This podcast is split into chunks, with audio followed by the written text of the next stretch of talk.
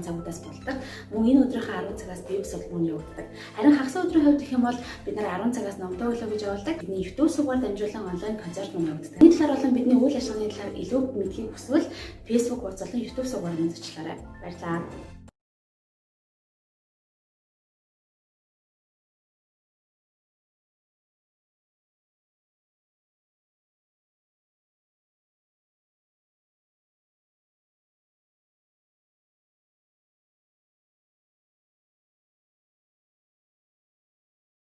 Оройн минь ахын үсэ та бүгдийг энэ оройн номлоо сонсож байгаа гэдэгт найдаж байна. За дуу асуудалгүй баха. Манай хэд маш шалгаж байгаа. Тэгээд бүгдөө хамтдаа өнөөдөр оройны номлыг эзэн гэнтэ бүгдээр хамтдаа залбирцгаая. Тэнгэрлэг эзэм өнөөдрийн оройны номлыг ивэл таав нүгш эцэг танаас чин сэтгэлээс залбирanгуйч энэ өөрийн ариун сүнсээр биднийг өдөртөн чиглүүлээч. Та өөрийн үгээрээ дамжуулан бидний зүрх сэтгэлд өөрийн ариун үлсээ баттах нь гэж би үнэхээр гон залбирч байна. Бидний зүрх сэтгэл таны өмнө бүрэн нээлттэй холтгоо. Бидний зүрх сэтгэлийн самбарт бичнэ эзэм. Мөн манай үндэстэн хамгаалагч эзэм, манай үндэстэн авраач эзэм энэ бүх үеүүдэд эзэм та тань лүү чиглэх тэр хүмүүсийг цуглуулаач эзэм. Та өөрийн 7000 хүмүүсээ та энэ газар цуглуулна гэж би үнэхээр гон залбирч байна эзэм. Та гайхамшиг бүтээгээч эзэм. Та охин сүмүүдийн миний вэн эзэм. Охин сүмийн пасторуудын минь ариун сүнсээр өдөржин чиглүүлж эзэм Таны хаанчлалд үр жимс гаргахтандаа бид нэр туслаач. Эзэм намраа амгалангийн хөвгүүдийг олгохтандаа бид нэр туслана. Эзэм Есүс Христийн нэрээр эзэн хаан минь өнөөдрийн номлыг өөрийн ариунгаар тааваач. Аамен. За. Та бүгдийг энэ орой номлолоо сонсож байгаа гэдэгт найдаж байна. Тэгээд бүгдээрээ хамтдаа 2 дугаар Коринтыг нийцгээе. Энэ маань болохоор алдартай ишлүүдийн нэг 2 дугаар Коринтын 9-р бүлгийг саяхан итгэгч нарын маань нэг өргөлийн талаар асуусан тийм үү.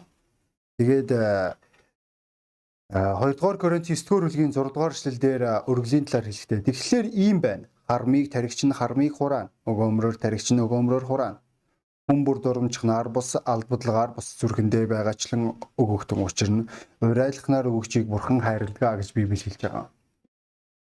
А энэ хэсэгтэр Библийн маш энгийн зарчим өгүүлэгдэж байгаа. Өнөөдөр хүмүүс аль болох хямдхан зардал гаргаад хямдхан шиг байдлаар үнэтэй зүйлийг эсвэл чанартай зүйлийг эсвэл ашигтай байдлаар амьдралд хандахыг хүсдэг. Тэгвэл бодит байдлаараа хэрвээ аваад үзэх юм бол энэ маань боломжгүй гэдгийг та бүгд ойлгож байгаа. Энэ хэсгээр Паул тэрээр газар тариаланчин тариаланч хүний зураглалыг хэлж байгаа. Тэрээр хэлэхдээ хэрвээ чи газар тариалангаар хөөцөлддөг байгаад хэсэгхэн үрийг аваад хэрвээ чи тарих юм бол чи хэсэгхнийг хураана. А хэрвээ чи их хэмжээний үрийг тарих юм бол тэр хэмжээгээр чи хэмжээний ургац хураах болно. Энэ маань маш ойлгомжтой зүйл гэдгийг та бүгд мэдж байгаа. Тэгвэл итгэгч ахын дүүсээ хэрвээ та энэ хаанчлалд хэрвээ санхүүгийн бүсдэр ялангуяа та амжилт олохыг хүсэж байгаа бол та хармыг тарилаа гэд юу ч өгөх өөрийн амьдралдаа хураахгүй. Харин та өгөөмөр тарих үед та өөрийн итгэлийн амьдралдаа үр жимсийг ялангуяа санхүүгийн бүсдэр гайхамшигыг хүлээх болно. Ийм л учраас Паул хэлэхдээ та бүгдийн зүрх сэтгэлийн байр суурь туйлын чухал гэж хэлж байгаа. За тэгээ бүгдээр өнөөдөр энэ орой үргэлж цоглуулцгаая. Тэнгэрлэг зүүн өнөөдрийн үргэлийг 11-ийг амлалтыг ивэн өгж би үнэхээр гун залбирж байна. Энэ бүх хугацаанд итгэмжтэй байгаа ахан дүүсийн төлөө үнэхээр тань талархаж чинь эзэм ахан дүүсийн минь ивэн үзэм 11-д үнэнч байгаа. Мөн амлалтандаа үнэнч байгаа ахан дүүсийн минь ивэгээ чи эзэм таны сангуугийн гайхамшиг ирчүүд өгтөөд минь амьдралд байх болтугай Иесус Христийн цаар. Аамен. Амен. За За ахын дүүсээ та бүгд надтай хамт Матай номын 18 дугаар бүлгийг нээхгүй юм. Өчтөр биднэрд Голбастер маш гайхалтай номдол явуулсан тийм үү? Бурхны хаанчлалын маш гайхалтай орчны талаар сүмд ялангуяа энэ орчин бүтээлч орчин байх талаар ярьсан. Тэгээд тэр орчин дээр өнөөдөр итгэгч нарын маань нэгтээ би зүгээр ярьж байгаа. Уг нь бол би өөр номлол номлох гэсэн юм. Гэхдээ энэ номлол э, туйлын биднэрт хэрэгтэй байна гэдэгт найдаж байна. Та мэдхүү энэ хаанчлал э, Бурхны хаанчлал буюу Христэд итгэх итгэл маань ерөөсө тэр чигээрээ хүүхд их. Хүүхэд чиг сэтгэлгээтэй, хүүхэд чиг хандлагатай хүмүүсийн энэ хаанчлах гэж хэлж байгаа. Тэрвээ та итгэхгүй байгаа бол надтай хамт Матай номын 18 дугаар бүлгийн эхний 6 ишлэгийг харъя. Тэр цагт шавнар нь шавнар нь Есүс дээр ирж Тэнгэрийн хаанчлалд хэн хамгийн агуу агуу байх вэ гэж асуужээ. Тэр нэгэн хүүхдийг дуудаад тэдний дунд зогсоож айлцсан. Үннээр би та нарт хэлье. Та нар өөрчлөгдөж хүүхдүүд тэ адил болохгүй бол Тэнгэрийн хаанчлалд яавч орохгүй. Иймээс хэн өөрийгөө энэ хүүхэдтэй адил өчүүхэн болгоно тэр нь Тэнгэрийн хаанчлалд хамгийн агуу нь болно. Хэн миний нэрээр нэрээр ийм хүүхдүүдийг хүлээн авна тэр намайг хүлээн авч байгаа юм а гэж хэлж байгаа. 5 дугаар эшлэл хүртэл уншиж. Тэгэд энэ эшлэл дээр Паул маш тодорхой санааг илэрхийлж эзэн Есүс Христэд маш тодорхой санааг илэрхийлж хэлж байгаа. Шавнар нь асуухта энэ хаанчлалд би яавал амжилттай байх вэ? Энэ хаанчлалд би яавал би байр суурьтай байх вэ? Ойлгомжтой тийм үү? Хэрвээ амжилтыг хүсдэггүй энэ хаанчлалд үн цэнтэй даацтай байхыг хүсдэггүй итгэгч байгаад байгаа бол энэ итгэгч маань маргаангүй тэнийг итгэгч тийм үү? Өнөөдөр бид нэр э, итгэгч хүн болгон э, энэ бурхны хаанчлалд амжилттай байхыг хүсэж байгаа. Нэг талаас. Нөгөө талаас Есүс Христийг хэрвээ э, хариултыг бид нэр хэрвээ харах юм бол их сонирхолтой хариултыг хэлж байгаа. Та бүгдийн нь хүүхэд чиг болж чадахгүй байна. Та бүгдийн нь хүүхэд чиг одоо яг хувирч чадахгүй байна. Тэр хүн хизээж энэ хаанчлалд агуу нээж чадахгүй. Харин та бүгд хэн өөрийгөө энэ хүүхэд адил өчүүхэн болгоно тэр нь Тэнгэрийн хаанчлалд хамгийн агуу нь болно. Хэн миний нэрээр ийм хүүхдийг хүлээн авна тэр нь намайг хүлээн авч байгаа юм а гэж хэлж байгаа. Энийг гайхалтай санагдгийг. Тэгвэл эзэн Есүс Христ маш олон удаа өөрийн шавнарлууга хандах үедээ тэрээр хүүхдүүд минь гэж хандчихсан болж таарж байгаа. Бүгдөө хамтдаа Марк номын та надтай хамт нэхгүй юу? Марк номын 10 дугаар бүлгийн Марк номын бүгдөө одоо өнөөдөр энэ өрөө нэлээд Библи нэнэ. Марк номын 10:24 Шавнар нь түүний үгэнд гайхсан боловч Есүс тэдэнд дахин хүүхдүүд минь Бурхны хаанчлалд орох юутай зүвэ гэж хэлж байгаа. За тэгээ бүгдөө Иохан номын 13 дугаар бүлгийг нээцгээе. Иохан ном 13 дугаар бүлэг. Хэн зэрэг нээж чадах вэ? За Иохан 13-ын 33-ыг харъя. Бяцхан хүүхдүүдээ би та нартай хамт хоромхон зур байна Та нар намайг хайх болно. Би үдээчүүдэд би хаашаа явна тийшээ та нар очиж чадахгүй гэж хэлснийхэн адил одоо мөн та нарт хэлж байна гэж хэлж байгаа.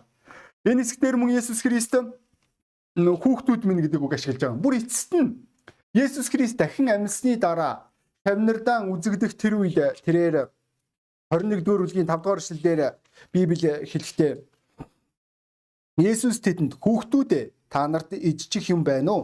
Гэхэд тэд алга гэлээ гэж хэлж байгаа. Харж байна уу? Энэ бүх хэсэг дээр эзэн Есүс Христ тэрээр өөр өөрт нь итгэж байгаа дагалдагч нарыг шавнар руу хандаад тэрээр хэлж байгаа. Хүүхдүүд минь. Хүүхдүүд минь. Ойлгож байгааз? Энд чи итгэгч нар минь нэ. Миний дагалдагч нараа, миний шавнараа гэж юусаа яриаггүй. Э энэ хэсэг дээр эзэн Есүс Христ миний хүүхдүүдээ гэж хэлж байгаа. Тэгвэл та бүгд мэдэх бах бид нэр бурхны хаанчлалын хүүхдүүд гэдгийг. Энд ямар ч байдлаар сахал үсэндээ баригдсан тий ахын талаар эсвэл байдлаагаараа ялхаасан тэр авгаан талаар яриаггүй. Ялгаагүй бүхэл насны хүмүүсийг бурхны хаанчлалд эзэн Иесус Христ хүүхдүүд гэж дуудаж байгаа. Ром номыг бүгдээрээ хамтдаа 8 дугаар бүлгийг нээх юм бол Роми 8-ын 15-аас 16 дугаар эшлэлдэр Библи хэлэхдээ Тэд ирж тэдэнд ариун сүнсийг уханлоо залбирчээ. Аа байж байгаараа. Үүсийн номыг уншиж хөшөөрөө. 8-ын 15-аас 16. Та нар дахин айдаст хүргэх боолчлын сүнсийг хүлээн аваагүй. Харин үйлчлэлийн сүнсийг авсан билээ. Түүгээр бид аава аава гэж дууддаг биднийг бурхны хүүхдүүд гэдгийг сүнс ариун сүнс гэсэн үг. Өөрөө бидний сүнстэй хамт гэрчилдэгэ гэж хэлж байгаа. Энэ хэсэг дээр Паул тэрээр хэлэхдээ та нар бурхны сүнсээр дамжуулан дахин төрснөөрөө бид нар анх бурхнаас нүглийнхаа төлөө уучлалт гуйх тэр мөчөөс эхлэн Библи энэ үзэгдлийг юу гэж хэлж байгаа вэ гэвэл дахин төрөлт гэж хэлж байгаа. Энэ төрөлт маань өнөөдөр бид нэр тэр мөчөд бид нэр бурхны хүүхдүүд болох боломж олцсон байгаа. Бид нэр хүүхдүүд болж байгаа нь энэ хаанчлал да. Бид нэр бурхныг аава гэж дуудах хэрэгтэй болж өөрсөн. Энэ үнэхээр маш гайхалтай гэдгийг та бүгд мэдж байгаа болов Мөн Галатийн загтал дээр Паул тэрээр хэлэхдээ ах дүүсээ та нар боолын хүүхдүүд биш харин эрх чөлөөн хүүхэд гэж дурдан хэлсэн. Боолын хүүхэд гэдэг маань нүглийн боолын хүүхдүүд бишээ та нар Адамын хүүхдүүд биш харин та нар Авраам, Есүс Христийн хүүхдүүд болж хувирж байгаа итгэлийн хүүхдүүд, эрх чөлөөнд дуудагдсан хүүхдүүд. Мөн өөр нэг хэсгээр Библи хүүхдүүд гэж ярих үед бид нэр хүүхдүүд гэдэг энэ хандлагаараа нэг бол бид нэр бурхны хүүхдүүд нэг бол диаволын хүүхдүүд гэж бас мөн ялгарах боломжтой талаар өгүүлж байгаа. Энэ ялгарл маань ганцхан тохиолдолд байгаа. Бид нэр юу хийж байгаагаар. Бидний үйлдэлэр нэг бол бид нэр бурхны хүүхдүүд болно, нэг бол бид нэр диаволын хүүхдүүд болно. Бүгдээрээ хамтдаа Йохан 1-р бүлгийг нээцгээе. 1-р Йохан, 1-р Йохан 1-р Йоханыг нээ, 1-р Йоханы 3-р бүлгийг нээ. Нүшгээрээ. 1-р Иохан а 3-р бүлгийн 10-р эшлэгийг харъя. Бурхны хүүхдүүд ба диаволын хүүхдүүд үүгээр илчлэгдэнэ. Зөвийг үлддэггүй нь ч зөвийг үлддэггүй нь ч ах дүүгэн хайрладгүй нь ч бурхных бишээ гэж хэлж байгаа. Энэ хэсэг дээр хэлэхдээ Йохан тэрээр итгэгч нарт хандан та нар бурхны хүүхдүүд эсвэл та нар диаволын хүүхдүүд гэдгээ мэдэх боломжтой. Маш энгийн. Та нар юу хийж байгаа? Та бүгдийн хийж байгаа үйлс болгон бурхны хүслийн дагуу яж чаддаггүй. Хэрвээ хийж чадахгүй байдаг бол та нар маргаангууд диаволын хүүхдүүд. Хоёр дахь нь та нар өөрсдийн ахан дүүсээ хайрлаж чадах уу? Хэрвээ хайрлаж чадахгүй байдаг бол та нар яг маргаангуу та нар диаволын хүүхдүүд. Элчнэр үртэл маш олон удаа итгэгчнэр лөө хандан тэр загтлуудад олон удаа хүүхдүүд гэдэг үгийг ашиглаж байгаа. Хүүхдүүд гэдэг үгийг. Энэ сонирхолтой шүү. Энд чи 1-р Петр дээр бүгдөө хамтдаа энэ хэсэгт нээсэн юм чинь өмнөхөн эргүүлээд нээх боломжтой. 1-р Петр 1-ийн 14-өөс 16 дугаар эшлэгийг харъя. Дуулууртай хүүхдүүдийн хувьд мэдэхгүй байхад чинь та нартай байсан урдын хүсэл тачаалда бүү нийцүүл. Харин та нарыг дуудсан ариун нэгний адил өөрсдийн бүх зан байдалдаа бас ариун байгтун. Э, яагаад гэвэл би ариун учраас та нар ариун байгтун гэж бичигдсэн юм а гэж хэлж байгаа.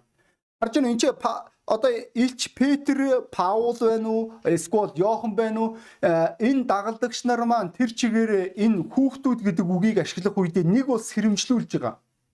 Нэг бол сануулж байгаа. Санж гин үү? Та нар яг хин гэдгээ. Нэгдүгээр Йохан мөн хоёрдугаар бүлэг дээр Йохан хэлэхдээ бяцхан хүүхдүүд минь та нарыг нүгэл бүүлдээсээ химэн би эдгээрийг та нарт бичиж байна гэж хэлж байгаа. Мөн 18 дугаар ишлэлдэр нь Йохан нялхсаа энэ бол сүүлчийн цаг антихрист ирж байна гэж та нарт сонссончлон одоо ч гэсэн антихристүүд олноор гарч ирж байна. Энэ нь эцсийн цаг гэдгийг бид үүнээс мэднэ гэж хэлж байгаа. Энэ хэсэг болгон дээр бид нар юу харах боломжтой бэ гэвэл дагалдагч нар маань өөрийн сүм рүү хандах үед бүхэл итгэгч нар рүү хандах үед хүүхдүүд гэдэг хэллэгийг ашиглаж ирсэн. Мөн өөр нэг хэсгээр энэ 3 дугаар бүлгийн 18 дугаар эшлэлдэр хэлэхдээ бяцхан хүүхдүүдээ бид үг хэлээр бус харин үйл ажил үннээр хайрлцгаая гэж хэлж байгаа. Энэ хандлаган дээр та нар ажиглаж гэнэ үү? Энэ бүх хандлаган дээр а дагалдагч нар маань хүүхдүүд минь үгээрээ биш үйлсээрээ хайрлцгаая. Үгээрээ биш Үйлсээрээ итгэгч амьдралаар амьдрий. Ойлгож байгаа сте. Энэ амьдралын хэв загварлуу дуудаж байгаа. Үйлс рүү дуудаж байгаа. Алхам руу дуудаж байгаа. Энэ болгон дээр дагалдагч нар маань маргаангүй хүүхдүүд гэдэг үгийг ашиглаж байсан. Гэхдээ өнөөдөр асуудлыг юунд оршиж байгаа вэ? Бид нэр буруу хүүхдүүд болж хүрдэг байгаа. Бид нэр буруу бүс дээрээ хүүхэжиг зан гаргаад байдаг, гинэн зан гаргаад байдаг. бүр дэндүү гинэн гэж хэлж болно.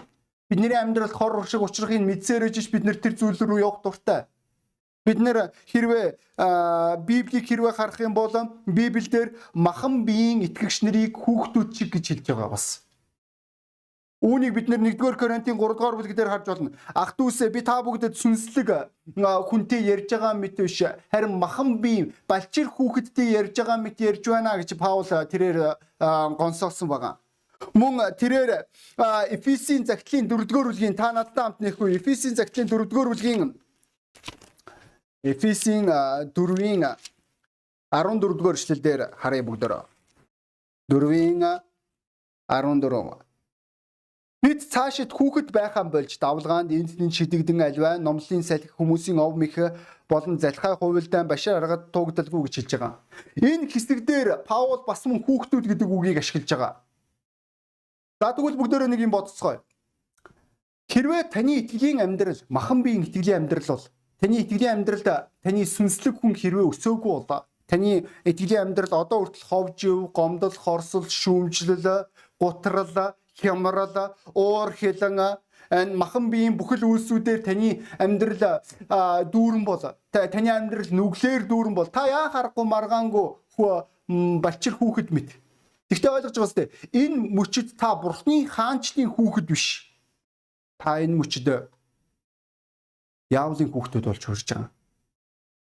Та өөрийнхөө дур зоргоор амьдардаг болохоос та зөвөөр нь амьдардаггүй мөн бидний Эфесийн загтал дээр уншсантай ижилхэн та үнэн ялгах чадвар байхгүй таны амьдралд.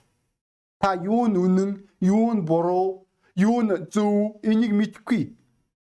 Уг нь бол та гаднаар дүр төрхөөр насанд хүрсэн мэт харагдчихж болох юм. Та яа харахгүй нэр сахал үсэндээ баригдсан тийм үү? Та үнэхээр сахалтаагаараа бахархдаг үнэхээр та мундаг таны сахал ерөөсө хорон болгон дутан болгон дургадаг тий цагаараа ургадаг үнэхээр скол та маш том гүзээтэй тий та та бусдаасаа илүү том биетэй энэ болохоор ирчүүдийн их гайхуулах дуртай зүйл тий булчинлаг байж болох юм. Гэхдээ яг бодит байдал дээр та амьдралд хандах хандлаган дээр яг л жоохон үхчиг. Та буруу хүмүүцсэн жоохон үхчиг. Бүр цаашаага хэлэх юм бол та хитрхи багаасаа насанд хүрсэн насанд хүрсэн хүмүүсийн мэдэх ёстой байсан зүйлийг хитрхи багаасаа мэдсэн. Энэ шалтгааны улмаас та э, энэ итгэлийн амьдралд байнгын нүглийн боол та амьдралын янз бүрийн нөхцөл байдал гарч ирэх үед та энэ нөхцөл байдалд та бэлэн биш. Та байнгын зүгтдэг, та байнгын төвөгшөөдөг, байнгын уурладаг, байнгын гутардаг, байнгын хямардаг Та энэ бүх болгон зүйл хурж ирэх үе та энэ асуудлуудыг шийдэх чадваргүй байгаа. Ойлгож байна уу? Э, э, би энэ хэсэгт өөр хүүхдүүдийн талаар яриад байна. Бурхан бидний нэшлэл дээр энэ хүүхдүүдтэй адил гэж хэлэх үедээ энэ хүүхдүүдтэй адил гэж хэлээгүй шүү. Та аль болох хариуцлагаас зүхтаж амьдарч байгаа. Та аль болох өөрийнхөө бэртгчийн амьдрал дотор амьдарч байгаа. Та өөрийнхөө хувээчээс амьдрал дотор амьдарч байгаа. Та асуудлыг аль болох өөрөөсөө дүлхийг хичээж байгаа амьдралын нөхцөл байдлууд гарч ирэх үед та ойлгож байгаа та бэлэн биш гэдгээ. Саяхан 2 одоо 3 сарын 3-нд э, Америкт нэг Аризон мужид нэг үйл явдалсан байгаа. Энэ үйл явдал маань болохоор 19 настай Брэнд Тоулс гэдэг хүнтэй холбоотой байсан.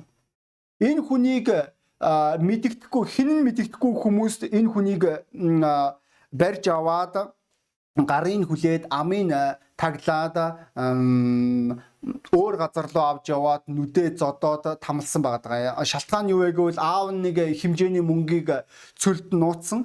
Тэгээд энийг мэдхийн тулд түүнийг тамалсан гэд. Тийм мэдээлэл мэдээлэл цагдаа төрж ирсэн. Тэгээд энэ мэдээллийн дагуу цагдаа нар маань э, эрен сурвалжлаад эцсийн дүнд тэр хүнийг олсон. Энэ Брэндон гэдэг хүнийг олсон. Гэхдээ сонирхолтой зүйл нь яг юу байсан бэ гэвэл эмчнэр энэ хүн дээр үзлэг хийх үед ямар ч бэртлийн уул мөр байгаагүй. Бас нэг өөр нэг асуудал нь юу вэ гэвэл утсан дах тэр залгалтын мэдээлэл нь ямар ч тийм залгалт байгаагүй мөн камерын хяналтын камеруудын хаанч тийм одоо хүмүүсийн тандалт илрээгүй болж таарсан. Тэгээ эцсийн дүнд мөрдөгчнөр маань тэр брендинг гэдэг хүнийг шалгааж байгаа асууж байгаа Тэгэд э, юу болж таарсан бэ гэвэл брендинг гэдэг энэ хүн маань ажилдаа явахыг хүсгүй улмаас тэрээр энэ бүх зүйлийг зохиогоод өөрийгөө худлаагаар хулгайлуулсан болж хувираад мэдээлэл өгсөн болж таарсан. Тэгэд энэ хүн энэ хүний байгууллагын түүнийг шууд ажиллаас нь алсан нэгдүгээрт. Хоёрдугаарт шүүх хурал энэ хүнийг хүлээж байгаа гэж хэлж байгаа. За тэгээ бүгдөө бодоод үз. Юуны төлөө вэ? Өнөөдөр энэ томруулсан жоохон хүмүүс энэ нийгэмд өчнөө олон бий. Асуудал тохиолдсон үгүй хямарж гутардаг, гонсоодог энэ хүмүүсийг хариуцлагагүй ирчүүд октоодыг бид нэр өчнөөнийг харж болно энэ амьдралда. Ойлгож байна ахын дүүсээ бид нэр ийм хүүхдүүд байж болохгүй. Та өнөөдөр санхүү дээрээ яаж ханддаг вэ? Өнөөдөр өчнөө олон санхүү дээр бодлогогүй ханддаг тэр хүүхдүүдийг бид нэр харж болно томруулсан хүүхдүүдийг. Бид нэр гэр бүлдээ мөн томруулсан тэр хүүхдүүдийг харж болно. Мөн хүүхдүүдэд хандах тэр томруулсан хүүхдүүдийг харж болно. Саяхан хүртэл манай итгэгчдүүд юм аа хоёр нь шин гэрлүүгөө арж явах үедээ нэг сохтуу ахтаа таарлцсан гэж байгаа. Тэр ах маань болохоор тэр залуучууд руу ойрт үрж ирээд агаан дүүнэр арх олдохгүй гэж хэлсэн. Би мөнгөөр наваа. Тэгэхэд нэлийн их хэмжээний мөнгө нүдэн дээр нь харуулж байгаа. Тэгээ бүр нэг 20 заас өгөх гээд үзээдсэн гэж хэлж байгаа. Тэгээ тэр мөнгө нь ямар учиртай яханаас ийм их хэмжээний бодол мөнгө олдвоо гэсэн чинь тэр нөхөр том ачааны машин жолооддаг жолооч Тэгээд өөрийн хоёр нэг ширхэг 800 мянган үнэтэй байх дугуйг хоёр ширхгийг 800 мянгаар зарцсан байгаа. Тэгээд тэр ахын ганц тархинд нь байгаа бодол нь ерөөсөө машингийн өнөөш нь арх хүмүүс. Тэр ах маань гэр бүлтэй, их нэртэй хүүхэдтэй гэсэн үг. Та бүгд төсөөлөхгүй эхнэр хүүхэд нь гэртээ хүлээж байгаа. А хүүхдүүд нь аавгаа сохтуу хурж ирж гэж төсөөлөхгүй байгаа болов. Тэгэд аав нь одоо ам зуулгынхаа машины хоёр дугуйг зарчиж байгаа. Тэгээ дараад нь манай эрчүүд маань тэр ахад гэрчлэх гэж оролцсон боловч эцсийн дүнд нэг архичин голоод тэр архичинтайгаа хамт явсан гэж хэлж байгаа. Ямар гонигтай бай тийм үү?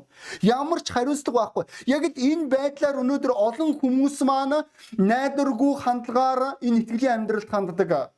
Тэднэрт юу ч найдаж болохгүй хормыг ч найдаж болохгүй. Хорм хорм хугацаанд тэдний ганцаарнгийн үлдээж болохгүй. Нэг 5 10 цаас тэднэртэй найдан үлдээж болохгүй. Ямар нэг юм даатгаж болохгүй. Яг яагаад вэ? Яагаад гэвэл тэднэр буруу байдлаар энэ хаанчлалд хүүхдүүд байгаа хүмүүс. Тодорхой хэлэх юм бол тэд нэр томруулсан жоох хүүхдүүд. Тэдний зүрх сэтгэлд одоо хүртэл атаархал байгаа. Тэдний зүрх сэтгэлд одоо хүртэл барьцах сүнс байгаа. Тэдний зүрх сэтгэлд одоо хүртэл уур хилэн байгаа, гомдол, хорсол байгаа. Тэдний зүрх сэтгэлд одоо хүртэл бардамнал байгаа. Тэдний зүрх сэтгэлд одоо хүртэл шүүмжлэл, гоочлолт байгаа, ховжив байгаа. Тэд нэр бүх юмыг надад таалагдж, таалагдахгүйгаараа шийддэг. Болгож нь үнээс нэр. Бурхан биднийг ийм хүүхдүүд байгаасаа гэж хүсэж байгаа. Тэгээч хүүхдүүд тийм байдгүй. Та мэдгүй нэг жинхэнэ хүүхдүүд ийм байдгүй. Тэд нар энэ итгэгчнэр маань бурхны хаанчлалд хүүхдүүд байхыг хүсэхгүй байгаа хүмүүс. Тэд нэр өөрсдөө хэлж үжлэх аа би ухаантай. Өө би өстой сайн мууг мэднэ үгүй тийм биш. Чи мууг мэдэх болохоос чи сайныг мэдэхгүй. Чи үннийг мэдэхгүй. Чи худал хуурмгийг мэднэ. Чи махан биеийн хүсэл тачаалыг мэдэх болохоос чи өнөөдөр бурхны зөвхт амьдралыг мэдгүүд энэ шалтгааны улмаас бид нэр өнөөдөр итгэгч ахан дүүсээ бид нэр хүүхэд бурхны хаанчлалд хүүхэд шиг байж хувирах маш туйлын чухал. Үүний тулд яг юу их хэрэгтэй вэ? Эцэст би ярмаар байна. Бурхны хаанчлалд хүүхэд шиг байхын тулд яг яах ёстой вэ? 1-р Коринтын загтал дээр Паул 14 дугаар бүлэг дээр нэг юм сонирхолтой ишлэл дурдсан байгаа. 1-р Коринтын 14-ийн 20 Ах トゥ нараа ухаанаараа хүүхдүүд байж болохгүй. Бузар мууд балчир болж харин ухаанаараа төлөвшсөн бай гэж хэлж байгаа. Харж гэнэ үү? Энэ хэсэгдэр Паул тэрээр хэлэхдээ өнөөдөр гинэн хонгорууд байх хэрэггүй гэсэн үг. Жүжиглэж. Өө би мдээгүй штэ үгээ тийм биш. Ойлгохгүй муу зүйл дээр насан туршсан төлөвшсөн итгэгчиг байх чухал. Тэгэд өнөөдөр хүүхдүүдэд яг юу байдаг талаар өнөөдөр яриад дуусгах юм. Нэгдүгээрт хүүхдүүд цэвэр зүрх сэтгэлтэй. Тэд нэр цэвэр ариун амьдралаар амьдардаг. Тэд нэр гим зэмгүй гэдгийг та бүгд мэдэж байгаа болов. Хүүхэд цайлган Хүүхэд тэр хүүхдийн зүрх сэтгэлд атаархал, хорсол, гомдол, барьцсан, бардамнал энэ зүйлсүүд байхгүй тэр хүүхдэд. Ийм зантай байх маш чухал байгаа энэ хаанчлалд.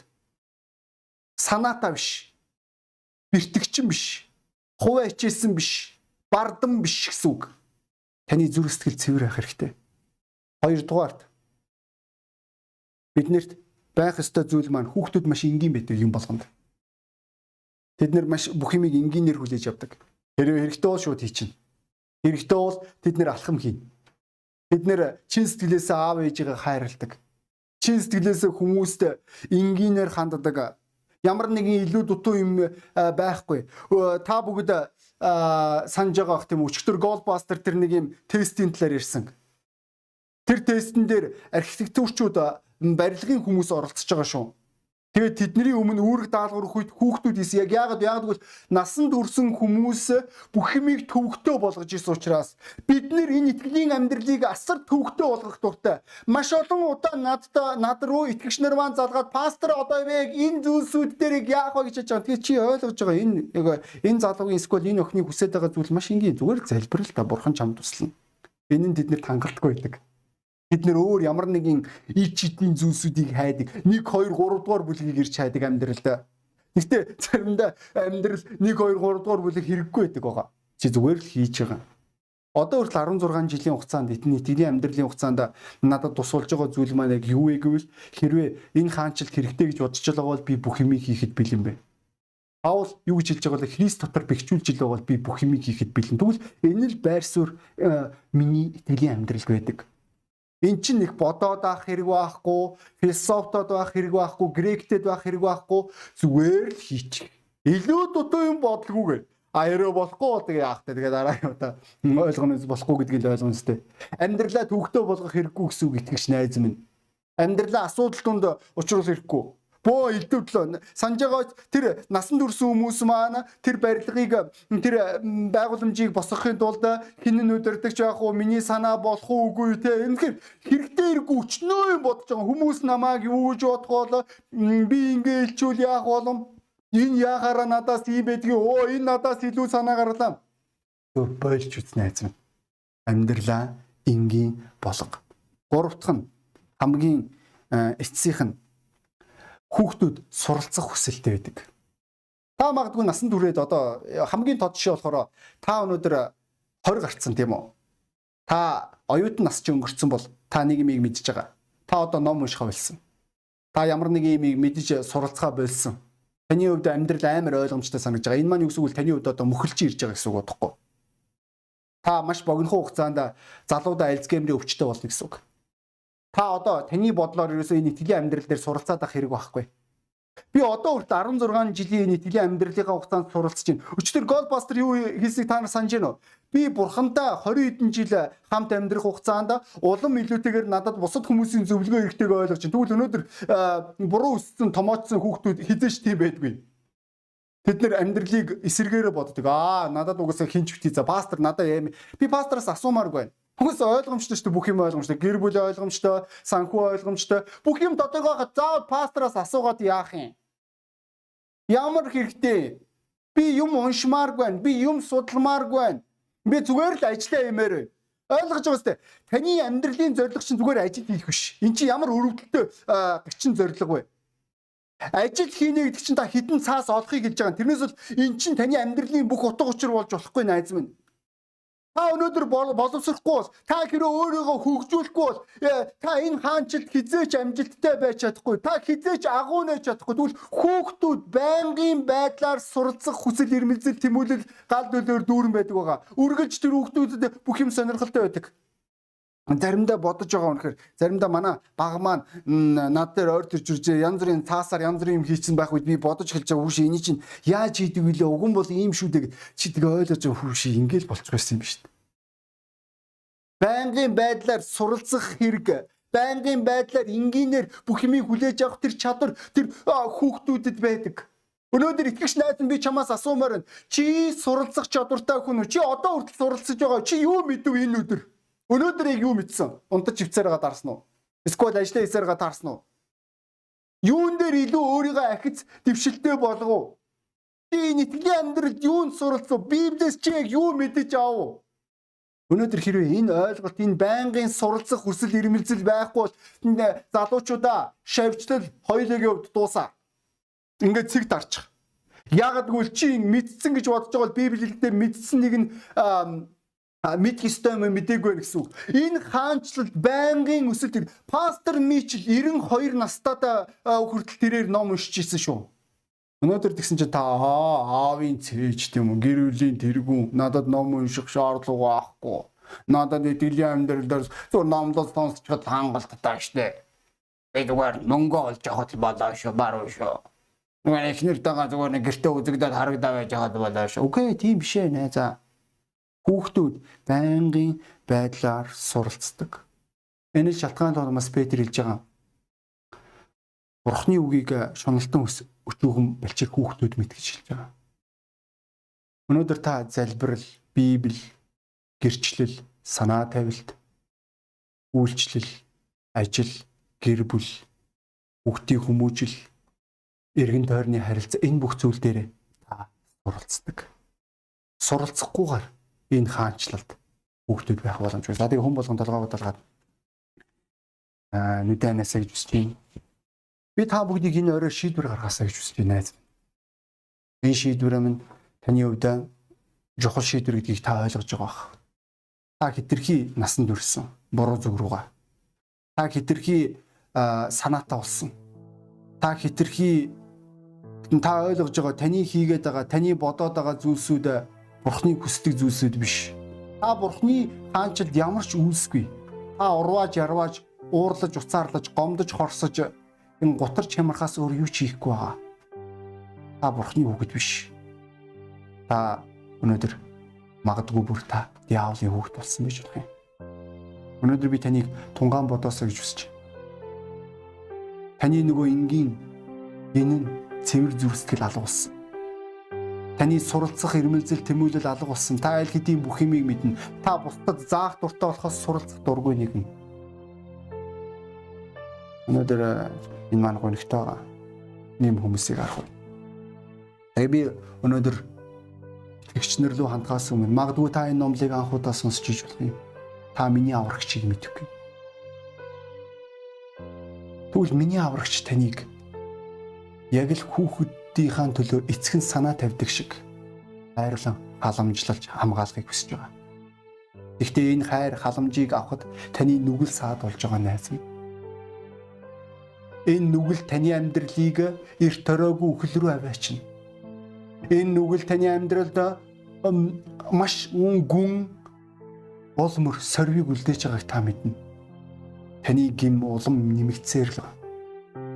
Тэгээ таныг өөхөх тэр мөчөд энэ нүглээс чинь болоод та там руу болно. Бурхан үнийг хүсэхгүй байгаа найзаа. Миний шалтгааны улмаас бурхан өөрийн цорын ганц хүүгээ миний нүглийн төлөө, чиний нүглийн төлөө загалмаа дээр цовдлсон.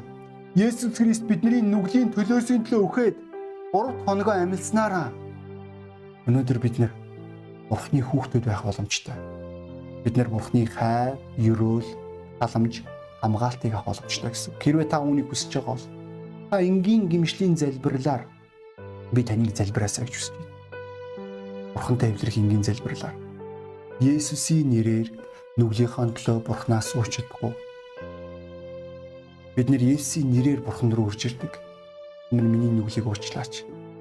Есүсийн нэрээр. Бид нэр тэгээ эцэст нь амийн гэж хэлдэг. Би таныг яг одоо чин сэтгэлээсээ энэ залбирлыг энэ Бурхантай эвлэрээсэй гэж байна. Хэрвээ та залбирсан бол, та эвлэрсэн бол би танд үнэхээр баяр хүргэе та одоо бурхныг таньж мэдэж болно. Учир нь бурхан таны нүглийг уучлсан. Түүнийг мэдхийн тулд биднэрт Библи байгаа. Түүний тулд сүм байгаа. Итгэгч ахан дүүс байгаа. Энэ сүм таны сүм байг. Варчны гэрт тав таамрал. Хэрвээ та биднэртэй холбоо барих юм бол бид нар үнэхээр таахтай авах болно. Бид нэр таны төлөө залбирмаар байна. Хэрвээ ямар нэгэн хэрэгцээ бол заавал биднэр лөө хандаараа бид нэр танд тусалж залбирахтаа та таах болно. Тэгээ би дуудлага өөрчилж байна. Итгэгч найз минь та одоо хитрхи санаас ус. та хитрхи гашилсан.